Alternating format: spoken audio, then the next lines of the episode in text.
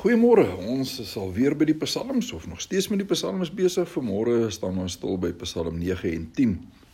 Nou Psalm 9 tot Psalm 13 is 'n tweede siklus van 4 klaagliedere waarin die verlossing vir alle mense wat in nood is gevra word. Hy praat oor die behoeftiges of die armes, met ander woorde die ouens wat nie hulle self kan help nie. Hy praat oor die ongelukkiges, hy praat oor die weeskinders en hy praat oor die mense in nood of die verdruktes. As jy 'n bietjie deur die psalms gaan lees, dan gaan jy hoor dis waaroor hierdie twee psalms gaan. Hy vra die heeltyd dat die Here hierdie tipe mense sal verlos.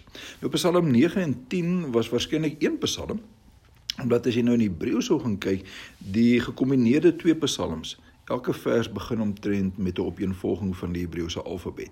Eindig nie by hoofstuk uh, by Psalm 9 nie, maar hy loop oor in Psalm 10 en eindig uiteindelik aan die einde van Psalm 10. En Psalm 10 het in Hebreëus ook nie 'n opskrif nie, wat baie ongewoon was in die eerste Psalmboek. Uh, al die psalms het opskrifte, maar hierdie ene nie. En wat ons die gedagte laat gee, dit was eintlik maar maar een Psalm gewees. Nou die opskrif van Psalm 9 is is bietjie moeilik om regtig te vertaal presies soos dit daar staan, maar maar dis waarskynlik 'n verwysing na 'n wysie of na 'n musiekstyl. En die maklikste om dit nou maar uiteindelik te vertaal is maar soos dit in die 83 staan, naamlik met die dood van die seun of soos die boodskap dit weergee dalk amper nog makliker, 'n Dawids Psalm op die wysie van 'n seun se dood. En hier word nou waarskynlik na Absalom se dood verwys. Nou hierdie Psalm kan of twee Psalms nee. Hierdie twee Psalms kan in vier gedagte eenhede opgedeel word. En ek gaan nou nie daarby stil staan nie, maar as jy die Psalms gaan deurlees en ek hoop jy doen, dan sal jy sien die eerste gedeelte van Psalm 9 tot daarby vers 13 handel oor God is regverdig en dit en hy wreek die dood van die onskuldiges. Eintlik 'n loflied wat hy daar het. Dan die laaste gedeelte van Psalm 9 daarvan vers 14 af is 'n gebed wees my weer genadig Here en gryp tog in. En dan begin Psalm 10 met met 'n volgende gebed. Kom tog Here, toon u mag o God.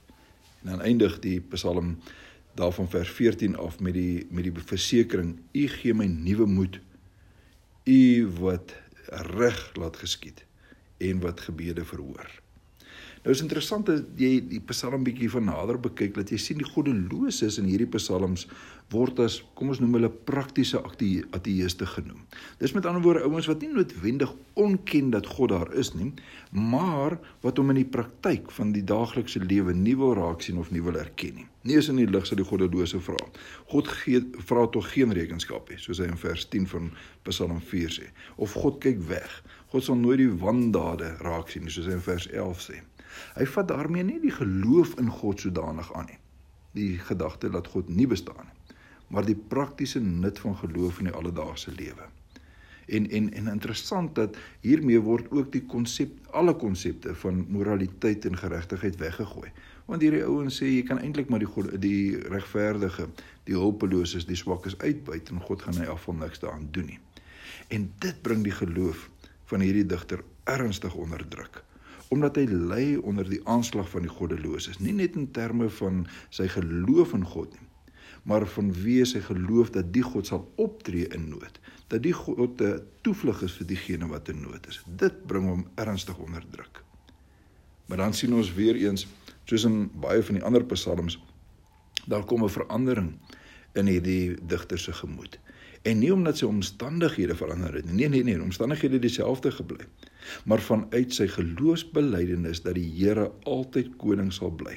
Dat die Here altyd sal optree soos wat hy in die verlede telke male al bewys het.